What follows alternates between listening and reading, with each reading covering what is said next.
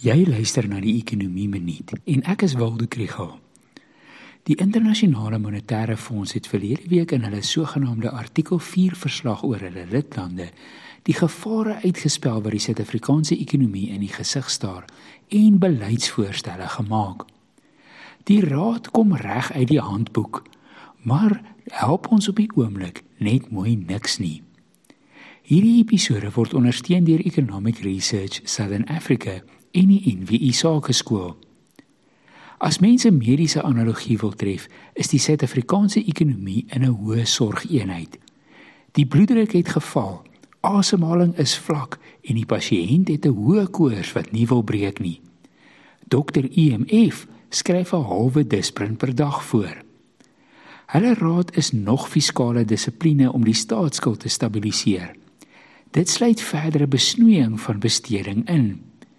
Hulle beveel ook aan dat die Reserwebank die inflasie teikenband 'n enkele mikpunt van 4,5% moet maak. Dit is nie slegte beleid nie, maar dit is nie nou gepas nie. Mense verstaan ook hoekom die aanbevelings aan die tesourier en die Reserwebank gemaak word. Dit is die enkele dele van die owerheid wat nog sinvol funksioneer en iets sou kon implementeer. Wat die ekonomie nodig het, is hervormings wat polities moeilik is en administratief ingewikkeld. Om die sukkelende state laat terugstaan en meer plek te maak vir die private sektor, moet op alle vlakke en in verskillende departemente gebeur.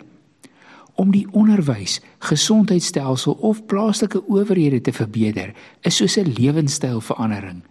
Dit gaan lank vat en moeilik wees en verloorders hê in die bestaande stelsel maar dit is moeilike goed om oor raad te gee vanuit Washington.